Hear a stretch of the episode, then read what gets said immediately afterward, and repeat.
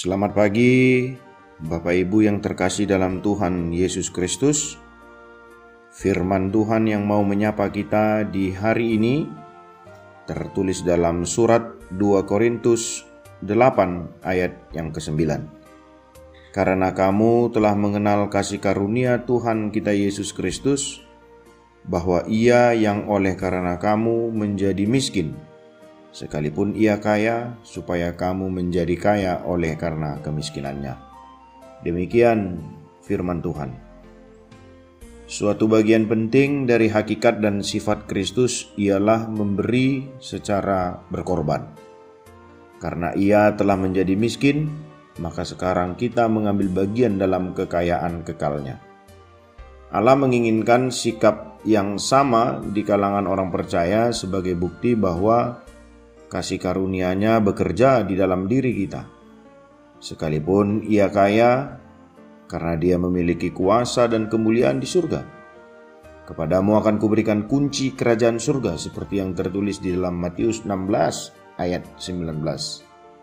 Namun oleh karena kita, ia menjadi miskin.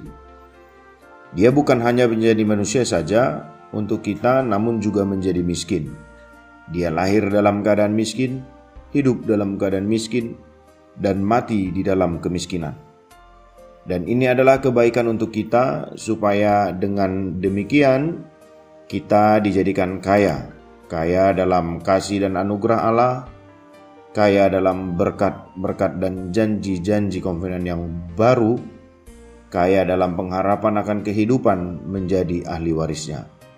Pola itulah yang dilakukan oleh jemaat di Makedonia dalam memberi dan membantu jemaat-jemaat yang berada dalam keadaan menderita. Kemurahan hati jemaat Makedonia adalah hasil dari kasih karunia dan kemurahan Allah. Bagi jemaat Makedonia ada hubungan yang sangat erat antara menerima dan memberi, sehingga pernyataan Paulus dapat dipahami bahwa segala berkat yang diterima oleh jemaat-jemaat Makedonia adalah karena kemurahan Allah. Oleh sebab itu, tidak ada pamrih atau syarat apa pun dalam pemberian orang-orang Makedonia. Paulus juga tidak perlu mendorong jemaat Makedonia untuk memberi sumbangan karena mereka justru memberi menurut kemampuan mereka berdasarkan kebaikan hati. Bahkan mereka memberikan lebih daripada yang Paulus telah harapkan. Pelayanan yang dilakukan oleh jemaat Makedonia dasarnya adalah kasih. Marilah kita memberi kepada sesama yang membutuhkan dengan sukacita dan sukarela bukan hanya sebagai kewajiban, melainkan menjadi suatu kebiasaan yang didasari oleh kasih Kristus yang telah rela memberi dirinya mati di kayu salib bagi kita, sehingga kita mendapatkan hidup kekal. Dengan latar belakang itulah, mengapa kita harus bermurah hati kepada orang miskin dengan apa yang kita miliki, karena kita sendiri hidup karena kemurahan hati Tuhan Yesus Kristus. Sehingga kita perlu belajar bahwa Memberi bukan semata-mata karena kita kasihan kepada orang lain. Memberi juga bukan karena kita sudah merasa berlebihan, melainkan karena mengikuti teladan Kristus di dunia ini. Orang yang disebut kaya bukan karena ia memiliki banyak harta, tetapi karena merasakan kebahagiaan atas apa yang dimilikinya dan atas apa yang diberikan kepada sesamanya.